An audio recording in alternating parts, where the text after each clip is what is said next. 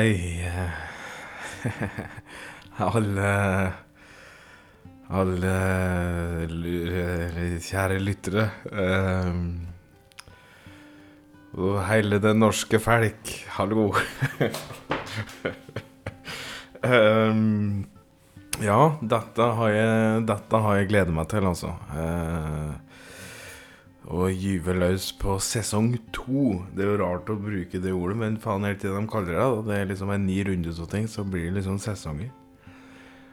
Sesong to altså, med Krakadal Radio. Det er eh, Det har vært en stund siden sist, men det er for kanskje greit. Det er for greit å ta det litt rolig og ikke rævkjøre øradøres eh, komplett. Er eh, Kan fort gå lei å sitte og høre på denne solungdialekta noen ganger, og, og stemmen uh, driver og færer rundt, så det er eh, kanskje greit med litt pause. Men jeg i hvert fall gleder meg gæfælt til, til i dag. Og liksom baka denne snusen som jeg baker nå, og, og, og eh, slike ting. da. Um, og jeg håper alle har hatt en god sommer. Eh, så absolutt. Eh, jeg kan si det først som sist. Det, jeg kommer ikke no, denne gangen her til å ha noen retning på når Altså, det, blir, det, vil, ikke, vil, det vil ikke bli like ukentlige episoder. Eh, det skyldes rett og slett at eh, fram til 28. oktober så eh, er jeg på ei hytte ute i skogen. Borti Våler Finnskog ved Sætersjøen. Eh, og der eh, sitter jeg jo og skriver for det meste, og leser en del og slike ting. Men uh, aller viktigst for deres del å vite er at der er det ikke noe Det er ikke noe internett eller noen 4G-signaler eller noen ting slike ting, så jeg får rett og slett ikke Jeg har ikke mulighet til å legge ut. Uh, og jeg gidder heller ikke å henge meg fast i dette her, så jeg kommer til å Innspillinger vil foregå der, men også legge dem ut da, da jeg har tilgang til det. Uh, så da får du vente i spenning, da, vet du. Da får du vente i spenning. Uh, men ja, nuk uh, chit-chat, uh, som eh, Som eh, Som det heter på engelsk. Eh, vi skal tilbake til Krakadalen, vi. Eh, og vi skal høre om ei eh, en, en dame. Eh, vil jeg vel si at Ja, hun er jo det. det, er jo, det er jo en dame. I aller høyeste grad vi skal høre om. Vi skal høre om Ragna Kinnbråten, som uh, ble født i 1886, var det full. Og så strøk hun med i uh, 1958. Ragna, hun, eh, hun var ei dame som bodde i eh, ei lita hytte eh, like ved Snipmyra, innpå skogen der. Og den nærmeste naboen hun hadde, da, det var jo den der spik spenna gærne eh, Knut eh, Snusen. Og han var jo han var ganske kjent for å drive med litt dyreeksperimenter av ymse slag. Og vi kan ta for eksempel da en dag da Syns Ragna at, det- var snodig da At det ikke var uh, grankorsnebbe Katja Som sa Altså grankorsnebb det er da en, Det er en småfugl En slags spurv da. At det ikke var spurv grankors, ja, sp- Katja Som ønsket henne velkommen til en ny dag Da hun åpnet der da For det vanligvis var det hun som gjorde det. Eh, Men faen, det var jo En morgen der så var det jo en karslig, et ganske karslig grankorsnebb der, som heter Cato, som uh, ønsker velkommen. Og da viser det seg jo da at denne der sjelerklærte professor Knut Snusen, han hadde jo tatt da den lille spurven Katja og skiftet på kjønnet hennes, slik at hun nå ble hett han Cato. Og Cato, faen, han, han fløy med en eh, Han fløy jo med en svaser, han, som var så stor at alle de harde småfuglene i skogen, de fløy jo etter den, vet du, for å stjele merken hans. For alle trodde jo at det var maten han hadde mellom beina. så Og det, det Det kan jeg jo skjønne, men du veit, jeg, jeg, jeg kan trygt si det at det, det var nok mye, mye snodig fuglesang den, den sommeren der. Eh, uansett, da. Eh, Ragna, hun var uh, Hun var glad i alt som skogen hadde å by på. Men hun hadde òg et hjerte for det som glitrer, og det som var blankt. Hun var eh, svak for kærer som eh, bjuda henne på smykker av både sølv og gull. Og. Men hun delte aldri bort noe som helst annet enn hånda si som takk. Um, Enhver mann gikk jo nesten i fistel når hun snudde riggen til, for alle ønsker jo eh, så inderlig vel at eh, de kunne få et eh, kyss da, av søte frøken Kynnbråten. Um, en morgen når, når Ragna gikk ut av hytta si og ut på den vesle verandaen som var på sida av huset, med en, altså, like ved en småbratt ås da, som strøk seg nedover på sida mot Krakadammen, eh, da så hun en kær eh, komme i en bil. Eh, og dette var jo i 1909.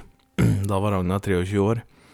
Aldri hadde jo noen sett en bil inn på Krakadalen før. Og, og bak i bilen, da, der satt jo en eh, stram og pynte kar i midten av 20-åra. Og han hette så mye som eh, Alfred von Trøger. Eh, og han var visstnok en, eh, han var visstnok en greve, greve fra Sverige en stand. Så Ragna hun sprang da inn i hytta si, hun da. Fant fram den fineste hårspenna hun hadde, og et par slitne sko. Så satte hun på seg skjørtet hun brukte når hun melket kuen hans Åkerberg, Og så sprang hun ned til veien og stoppet bilen. Og bila gikk jo ikke særlig fort på denne tida der, kanskje en 10-15 km i timen. Og da ropte hun 'stopp', ropte Ragna da, mens beina flaug nedover eh, åsen, vet du. Og så skrek hun 'stopp i lovens navn', og bilen, vet du, bråbremse. Sjåføren, han så bryskt bort på Ragna. 'I lovens navn?' spurte sjåføren. 'I lovens navn, ja'. Skulle ikke vært døvert du, hører jeg, svara Ragna. Og Sjåføren han satt jo nå bare alt da, med store øyne og gapa jo faen så høyt da, at han var jo redd tunga og hele tanga tangamentet skulle dette til kjeften på han, vet du. Åkken er du? spurte Ragna denne pene kæren da som satt i baksetet. Og da sa kæren eh, eh, Jag er hertug Alfred fra Göteborg, og hvem er så du som våger stoppe min bil? svarer han Alfred da, vet du. Jeg er prinsesse Ragna fra Snipmyra, og jeg eier veien som du kjører på. Er det hesten din? Har du usynlig hest? En vad? Usynlig hest?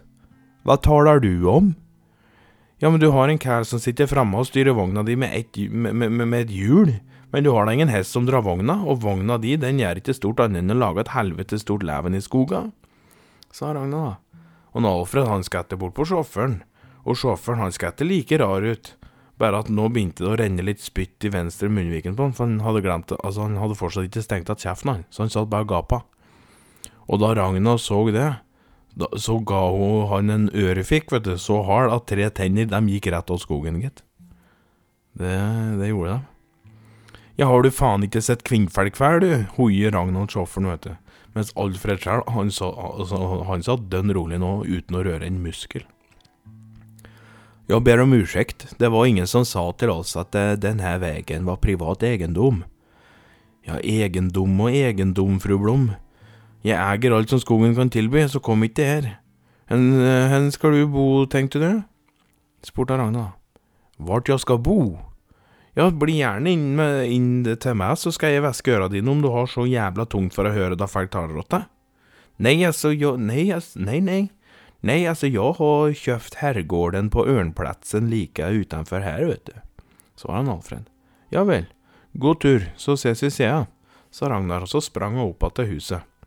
Og Alfred, han ble, eh, han ble sittende og trøste sjåføren, han, da som febrilsk drev og sprang rundt i marka og lette etter de tennene som uh, han fikk sli ut. Så og Ragna hun satt i flere dager ved kjøkkenglasset med kaffekoppen sin og ventet på at Alfred snart skulle dukke opp. Hun visste at med tida så ville Alfred bli nysgjerrig på, på hva denne, denne gærne dama var, da, så at han til slutt var nødt til å ta turen da, for å bare helse litt, litt bedre på. Og rett skal være rett, etter fire netter så kom en Alfred von Trøger vandrende opp Snipmyraåsen med, med morgendisen opp etter beina. Og han banket på en gang. Og Ragna hun hadde allerede røkket å ta på seg en sliten skjorte. Hun brukte, Og den skjorta den brukte hver gang hun vaska klær. Sko det brydde hun seg ikke med, og viste fram de skitne beina sine uten problem. Uh, hun åpnet døra så bryskt at en Alfred han hoppet to skritt tilbake fordi han skvatt så innmari fælt. Ja, god dag, sa Ragna. Å hei sann hopp sann, sa Alfred. Kommer du for en ørevesk, kanskje? spurte Ragna.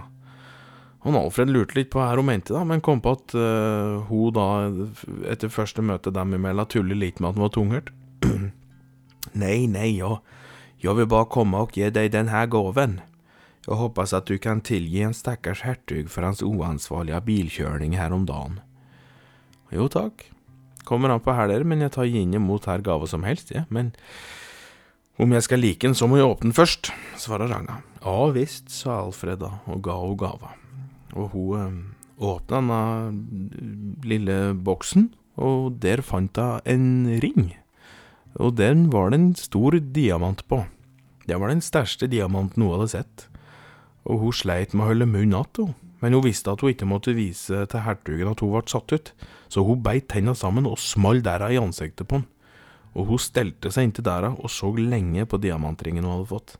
Den glinser og den blunker så fælt, og hun smilte og blunka etter henne, gitt. Kanskje, kanskje var det slik hertugen eh, fra Gøteborg kanskje At han kanskje kunne vise seg å være en slik en riktig eh, kavalerkandidat.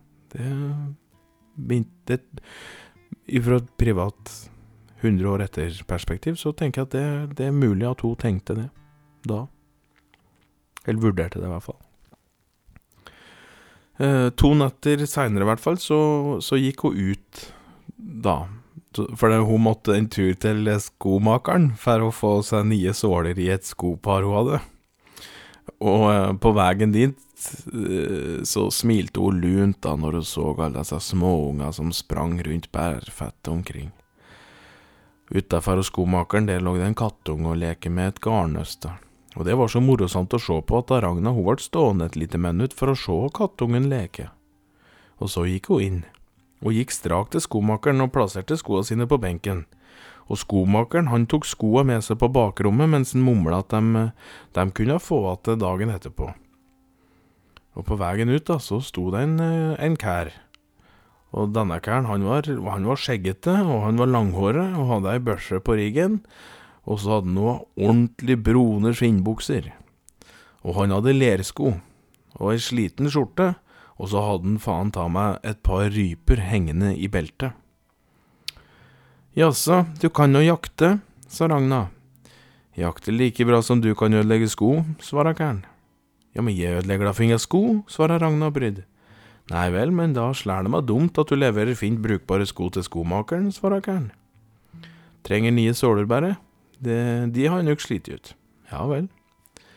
Sjæl trenger nye reimer til skoa mine, jeg har slitt dem ut på gåturen hit. Ja, hvor har du gått ifra? spurte Ragna. Jeg har nok gått ifra Hardammen, jeg, svarer kæren. Ja, det er ingen liten stubb, det. Nei. Jeg heter Herbert. Herbert Rustgump. Det sa han, og da strakte han fram neven. Og Ragna hun tok hånda til Herbert Pent, og så sa hun sitt navn. Og så gikk en Herbert bort til skomakerdisken og betalte for noe av nye skoreimer, før han da sa adjø og forlot eh, skomakerhuset, og så gikk han jo derifra og Ragna hun gikk ut og glana etter den. Men jegeren fra Haledammen, han var ingen sted å se, gitt. Um, og på turen tilbake til hytta si så så og så så så, så, så og hertugen fra Göteborg, vet du, en Alfred von Trøger, hun så han da, for da sto han og ventet på utafor hytta hennes.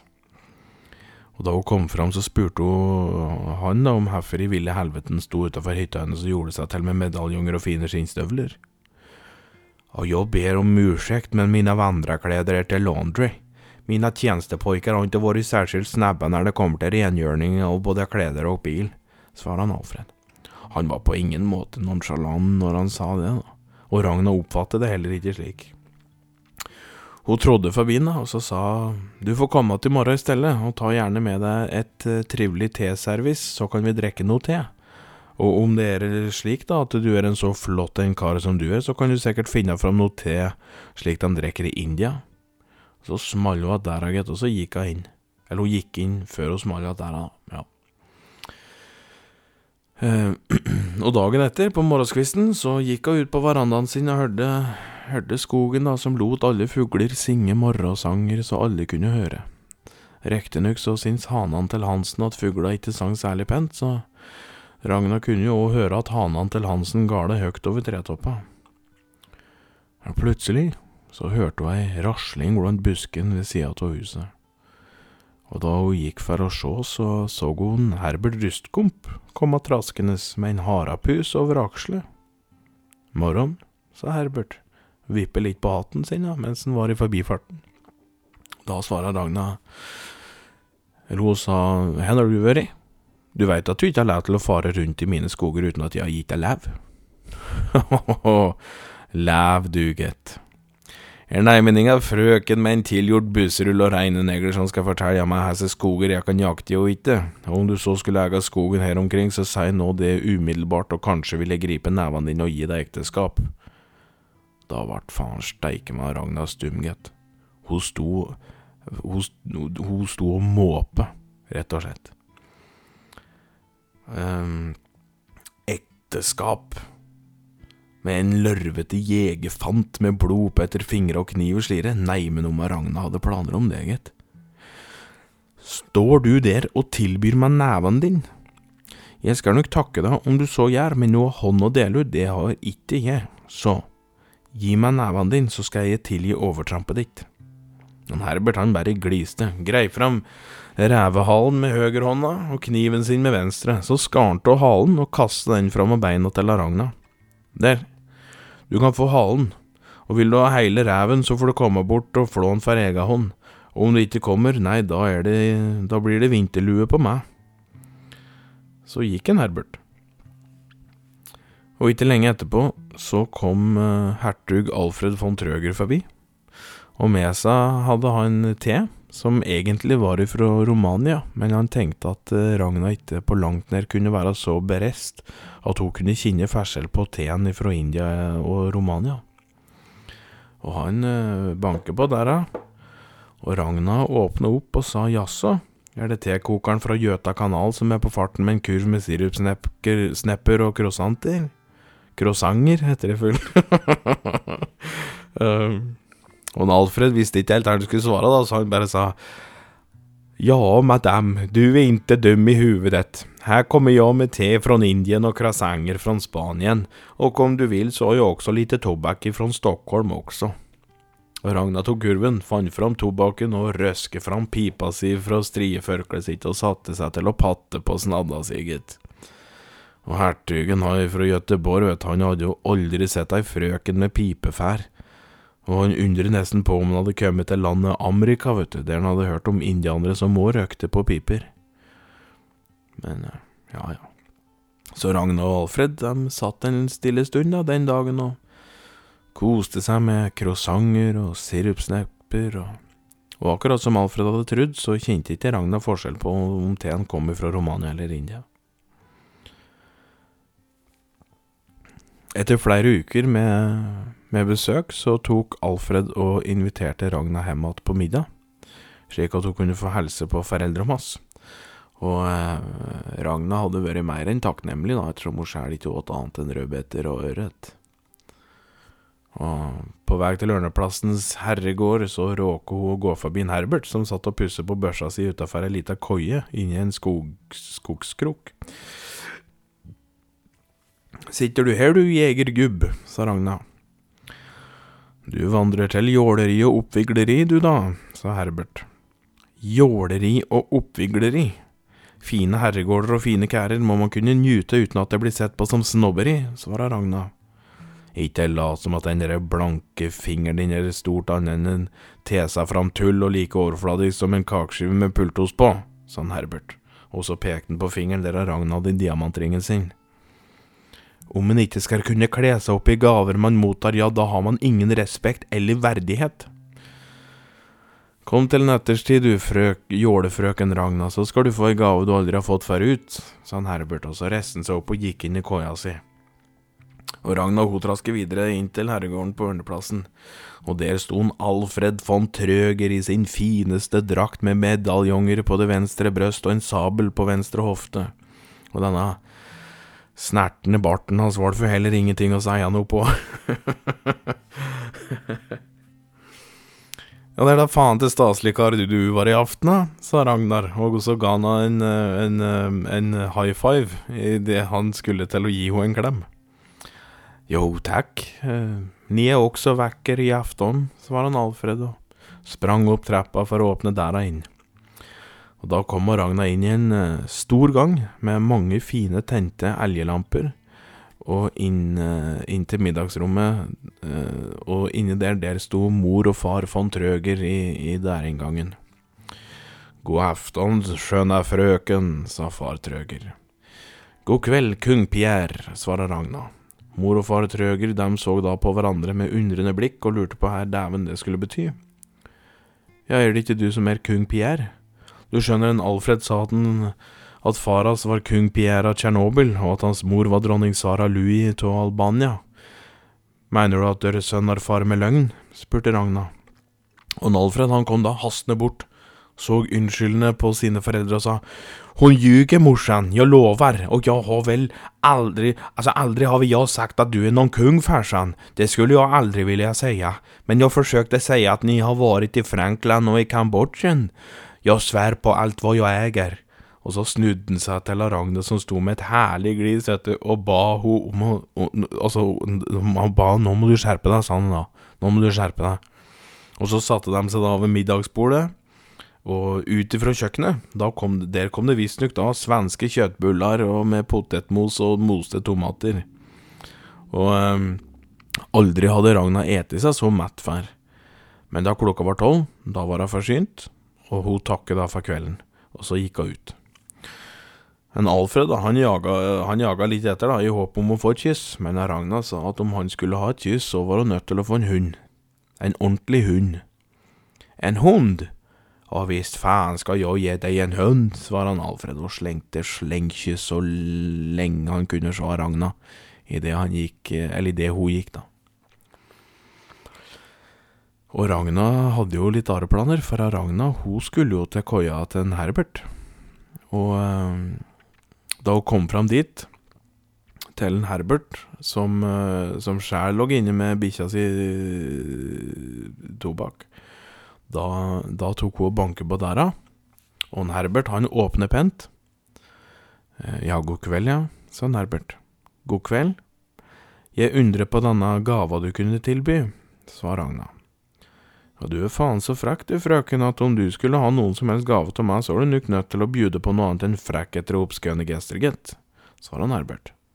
Og Ragna, vet du, hadde aldri vært tala til slik noe av noen, og nå var det visst slik at en Herbert, han lot seg ikke beundre av Ragnas søte ytre, langt derifra. Han virker nesten som han var litt eh, eh, bortstøtt ifra det, eller frastøtt, heter det vel. han så henne nesten ikke i øynene, og han lot orda sine være harde og bestemte. Jeg veit ikke her det er jeg kan bjude på som skal være nuk for at du skal kunne gi meg den fine gave du hadde tenkt, sa Ragna. Nei vel, da får du heller komme en kveld da du har noe du ønsker å gi bort eller dele, da, sa Herbert, og så small han att dæra i ansiktet på Ragna. Men da tok Ragna og banke på en gang til, gitt, og når Herbert åpnet dera, så ga hun han et kyss. Midt på truten. Og det er ikke et lite smask, nei. Nei, nei, nei. Dette var et langt og ømt kyss. Faktisk så var dette hennes første kyss i livet. Kanskje var det Herbert sitt òg, det veit ikke jeg. Og Herbert han var stående og se på Han var stående og se Ragna inn i øynene. Lenger enn han hadde gjort før, i hvert fall. Så gikk han rolig inn i koia, kom ut igjen like etterpå. Og han tok da hånda til Ragna og la så to svarte ravnfjør i hånda hennes og sa Ravnfjør finnes ikke på disse kanter, og gjennom hele mitt liv har jeg bare funnet to. De vil jeg at du skal ha. Og om du en dag møter noen du vil bruke livet ditt på, så del den ene bort til vedkommende. Vi høres en annen dag, sa han Herpert, før han så sang en sang. Eh, og den sangen skal jeg ta oss og synge åtte. Eh, og den skal jeg synge til nå.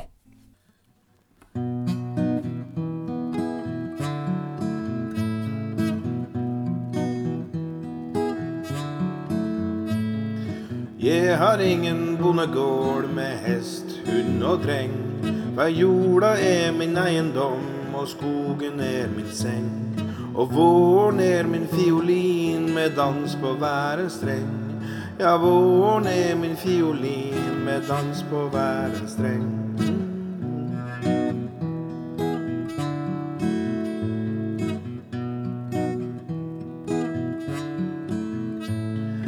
Jeg har langt ifra penger nuk, men min fattigdom er god. Den rike har sitt levebrød, men jeg har min fromme tro. Jeg har høysang i hver ei li og klang blant hvert tre. Ja, jeg har høysang blant hver ei li og klang blant hvert et tre.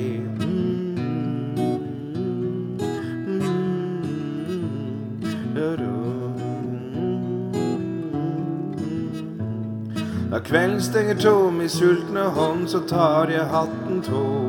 Og merket detter ned i mitt fang og skjuler sti og håp. Da takker jeg sola som går opp og ned ved vågge og ved grav. Ja, jeg takker sola som går opp og ned ved vågge og ved grav. ra ra ra ra ra ra ra ra ra ra ra ra ra ra ra ra ra jeg har ingen bondegård med hest, hund og dreng. For jorda er min eiendom, og skogen er min seng.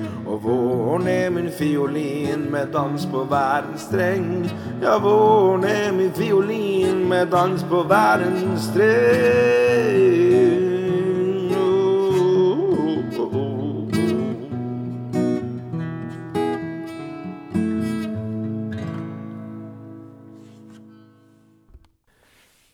Etter at han hadde sunget sangen, så drog han med seg bikkja Tobakk inn eh, og stengte døra forsiktig.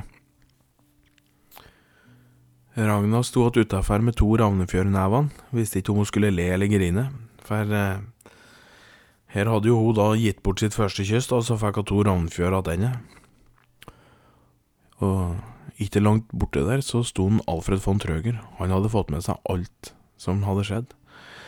Og en kan jo kanskje trygt si da at huget hans, det, det, det kokte nok skikkelig akkurat da, tror jeg. Det, det gjorde det. Etter noen dager så så Ragna en røyksky ikke langt unna Ørneplassen.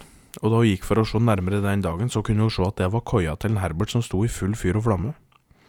Herbert han sto og kastet bøtter med vann på flammen, mens bikkja hans fløy rundt beina på han. Her er det som skjer, ropte Ragna. Men da tok Herbert bare og kastet vann over hele jinta. I svarte faens navn og rike driver du og kaster vann på meg når koia di brenner opp, ropte Ragna i, i kuldesjokket, for vannet det var, det var gærende kaldt, må du vite. og Herbert han svara ikke. Og etter hvert ble da Ragna med å, å kaste vann på koia, Men det hjalp dessverre ikke. Etter 20 minutter var det ikke noe igjen å redde av Herberts koie og etter 20 minutter til så kom en Alfred von Trøger vandrende og tilbydde seg å bygge ei ny hytte så sant han kunne jobbe seg fortjent til det. Herbert syntes det var greit, sa seg enig i å måle hele herregården på Ørneplassen, snekre nytt tak på stabburet deres, samt bygge en ekstra hamster og det ble òg lovt eh, fire stykker ulvepels til vinters, og en minkhatt til far Trøger, som, eh, som en Herbert måtte jakte og ordne, da. Har du funnet en hund til meg? spurte Ragna Alfred. Og da så han Alfred på Ragna, men ikke med like gode øver som han hadde brukt tidligere. Hvilken hund vil madammen ha? spurte Alfred. Ragna så ned på Tobakk og pekte på han. En slik en. Alfred så på Tobakk, og så sa han til Herbert at han var òg nødt til å gi fra seg hunden sin om han skulle få en ny hytte. Ragna prøvde da å si at hun ikke ville ha Tobakk, men en hund som ligner. Du vet at det der, det er en transilvansk vettjævel, terrier, va? Det finnes bare én av dem, og den er her, sa Alfred. Det stemmer nok, Ragna Transylvanske vettjævler er døve ut her for en, de har døve ut her for en del år siden, og dette er den siste som fins, sa han Herbert. Ja, men da vil ikke ha han, svara Ragna. Så du bare ber meg om saker og ting som du i virkeligheten ikke vil ha? Betyder det at jeg skal ta tilbake den ring du fikk av meg, og hårspennene, og skorna og grytan og kornet? spurte Alfred. Og da begynte Ragna å svette litt mens hun glana ned i bakken. Nei, sa Ok. Herbert, om du vil ha din hytte, så måste du gi meg din hund, sa han Alfred, med bryskhet i stemmen. Bryskhet. Ja. Herbert satte seg ned på kne, hvilte huet sitt mot Tobakk sitt hue, og så tok han en kniv og kjørte den rett i strupen på bikkja si. Fort og gæli. Ragna ho kvapp til et lite hyl, Alfred sto med vidåpne øyne, Herbert løftet bikkja opp i favnen sin, rakte den til Alfred. Vær så god, din støllfant, og bygger du ikke opp ei ny og fin hitte åt meg nå, så skal, jeg, skal, du se kniven ikke langt unna. Så trask han innover skogen, mens Tobakk lå livløs i erma på Alfred. Ragna ho sto med tårer i øyekroken og skjemtes mer enn hun noen gang hadde gjort før. Og like etter dette så skrev hun et brev til Herbert. Et slags eh, beklagelsesbrev. Og det fant eh, Heidi Toyne i øyeren eh, når hun vandrer rundt eh, på Svuldrya. Eh, der eh, drev, gikk hun og plukket kongler, for hun trengte kongler til en konglekrans som hun skulle lage til en konfirmant en, Eller ja, en bekjent som skulle konfirmeres en gang i 1940. Nei, for faen. Det må ha vært på 70-tallet, tror jeg. 70-tallet var det. Mm. En gang. Og um, dette fant hun jo så klart og leste inn. Så du skal nå få høre Heidi Toyny eh, da hun leste inn brevet til Ragna Kymbråten.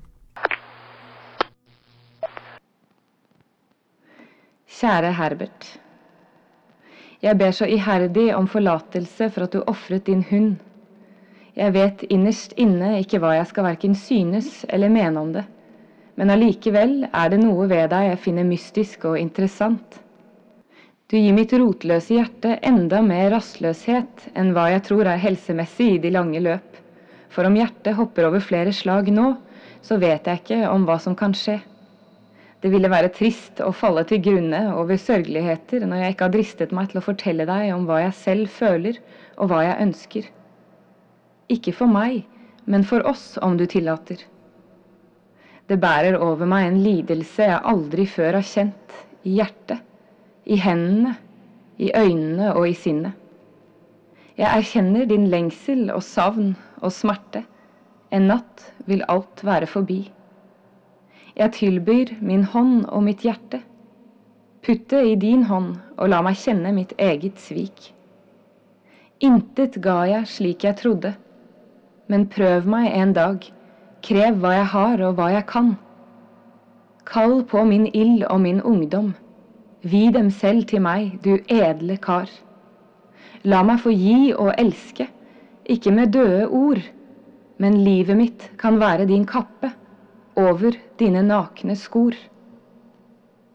Jeg råtner ei slik et liv går under, og jeg blomstrer ei slik som lungeurt i juni. Men jeg er nå her, svak og kjær, kanskje med vrangsinn i skalla, men jeg er nå her. Det ville være fint om jeg kunne treffe deg utenom skomakeren. Kanskje om du vil, kan jeg ta deg med til havreåkeren? Og om det skulle demre for oss, gjennom bitter tvil og tross, med noe av en samme drøm om evig ung og fin og øm, så vil vi kanskje med tiden finne kjærlighet når tiden er inne. Og våre slekter vil komme og gå i grav, og våre minner vil svinne like brått som en regnskur i mai. Dog, når solen står ved vårt siste sprang, vil vi stå på et ensomt fjell og se vår ende, og den vil vi finne over viddens mørke hav. Du vil kanskje ikke begripe de ord jeg velger, men slik er nå det. Som nevnt er mine ord langt ifra døde. Ja, de er nå aller høyst i levende live. Ja, de er nå aller høyst i levende live, og tro du ikke at jeg farer med løgn i sene nattetimer. Send gjerne brev tilbake på denne adresse. Ragna Kynnbråten. Snipmyrtunet. Det mellomste huset. Med de beste hilsener Ragna.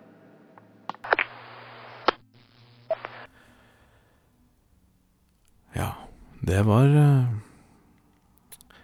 et koselig, koselig beklagelsesbrev, kanskje. Jeg syns det. Eh, I hvert fall. etter flere måneder, der en Herbert hadde målet herregård, snekre hems og, og tak på staubrud der, og måneder der Alfred desperat prøvde å få Ragna til å gifte seg med en, så satt Ragna sjæl innestengt i hytta si med to ravnefjør mellom fingra sine. Hun hadde helt siden dagen eh, da Herbert tok livet av bikkja si, sittet mutt og sørgmodig tilbake i hytta. Hun hadde ikke fått noe svar eh, på brevet sitt heller, slik jeg I hvert fall ikke eh, i de dokumenta jeg har gått over, så er det i hvert fall ikke registrert noe brev ifra Herbert. Eh, for, og han hadde hun ikke sett siden den dagen. Og Alfred han var på der hennes hver morgen med rumensk te og croissanter, men hun, eh, hun eh, åpna aldri opp. Så Men en dag, da kom en Herbert eh, bankende på der, for han ville bare Han ville jo bare takke henne for brevet. Eh, og hun ble så glad at når hun åpnet der, så ga hun han en diger klem umiddelbart, men eh, det viste seg at en Alfred han kom like bak og fikk med seg alt sammen. Men i helvete, kärring. Här kommer jag med te och croissanter varje fans dag. Försöker muntra upp dig lite, men du sitter bara inne hela dagen med två jävla fjäder i dina händer. Sen fan kommer jävla vettjävelmördar Herbert till din dörr och du kramar om honom som om han skulle vara din. Nej, nu fan jägerjävel, nu tycker jag att vi ska ha en duell. Jag brann ner din hytta och nu bränner du ner mitt hjärta. Du är fan inte så här mitt nya liv i Finnskogmarker ska vara. On God, sa Alfred. og så strakk han ut sabelen sin, vet du, fra dette fine, røde beltet. Og Ragnar prøvde å si at nå fikk en Alfred gå hjem igjen og legge seg, men han var bestemt på at han skulle fekte med en Herbert. Og Herbert, han drog fram jaktkniven sin og retten mot Alfred. Og så tok en Herbert, vet du, to kjappe skritt til sida og plantet knivkolben rett i skolten på en Alfred. Så tok han, og da tok han sabelen hans, og kastet den hardt inn i granskogen, som traff et tilfeldig tussetroll da, som tilfeldigvis bare gikk forbi. Og så satte han Herbert seg oppå på Alfred og skar faen skjæra meg ut alle tenna som han hadde i munnen, og så kuttet han av den ene sida av barten hans. Om du noen gang våger å prate slik til frøkna jeg en gang akter å ta til mi fru, så skal jeg skjære av deg tunga neste gang, sa han, idet han reiste seg opp. Alfred von Trøger lå og grein som en baby, og så sprang han hjem til mammaen sin. Herbert og Ragna, dem gifte seg, under åpen himmel, en solrik augustdag i 1927. De fikk eh, unga Ylve, Sølvi og Hanne. Og de levde i mange år ganske så ålreit i denne nye hytta som en Herbert hadde fått uh, oppattbygd. Men uh, en dag i 1940, da tyskerne kom inn til Krakadalen, så var det en gæren nazist med ei helvetes fæl lesbe. Altså som talefeil, da som, som kom. Det var eh, general von Trøger. Han hadde visstnok hørt om en landssviker i Krakadalen, en jeger som het Herbert Rustgump. En dag i oktober 1940 kom general Alfred von Trøger med et nazistkompani på 14 og trapp opp utafor hos Ragna og Herbert. Ragna kom først ut og undret på her dæven det var for ei grå, stusslig klesdrakt Alfred hadde kjøpt seg nå. Det her er en uniform, kjerring, og den får du fasan inte hota, for da hota jeg deg tilbaks, sa han Alfred. Og Herbert sprang ut med kniven i neven og slo kolben rett i skalla på Alfred han datt bakover, så satte han seg over den og skar ut tunga på han. Jeg sa til deg, om du noen gang preker slik til frøkna mi, så skjærer jeg over deg tunga, sa Herbert mens han holdt tunga til Alfred opp i lufta og mens Alfred von Trøger skreik og grein, mumla han høgt en slags eh, kommando til sine soldater, eh, og på noen få sekunder, da var det løsnet omtrent 20 skudd, som alle gikk mot en Herbert Rustgomp. Og gode jeger Rustgump han datt straka veien ned mot bakken i all sin 187 centimeters prakt. Ragna og unga ropte fortvilt og grein så heftig at Vannmåler Olsen måtte sette opp flomfareskilt like ved Krakadammen. Krigen gikk over, som alle veit, i 1945. Unga kunne gå på skole igjen, og alle kunne ete den maten de sjæl hadde skaffet. Ragna satt i hytta si sine resterende år. Det eneste hun hadde hatt i hytta, det var senga si, en stol, ei gryte og ei sleiv og ei ravnfjør. Den andre ravnfjøra den hadde hun lagt sammen med Herbert den dagen de gravla han på Krakadals gravlund. Hun strøk ravnfjøra slik hun en gang hadde strøket skjegget til Herbert. Og hun mintes den, grein over den og lo sine siste år. Og hennes barn var ofte innom, med te fra India og rundstykker fra den lokale bakemesteren. Og en sein augustkveld i 1958 sa Ragna takk for livet og dro ut til evighetens marker, 72 år gammel.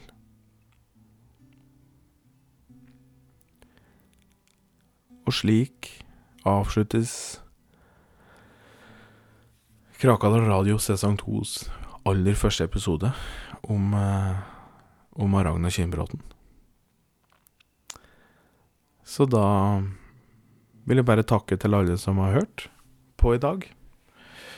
Eller altså faens dag du hører på dette her. Og så eh, Spre ordet. Eh, vi er eh, Ja, det som har skjedd siden sist, er jo at faen, nå har jo faen meg Krakadal radio ute på Spotify òg. Så, så del ordet. Eh, legg ut linker. Bruk eh, Ja Bruk sosiale medier om du vil, eller et eller annet. Altså det, nå går jo dette unna uten det, men det, jo flere, jo bedre. Det, jeg syns det er bare koselig. Så ja. Tusen takk uh, for i dag, og ha en uh, riktig fin dag videre. Og så når kvelden kommer, så må du sove godt og drømmefint, og så må du love meg at du tar vare på hverandre og de du har nære. Det Det er viktig. Så ha det godt.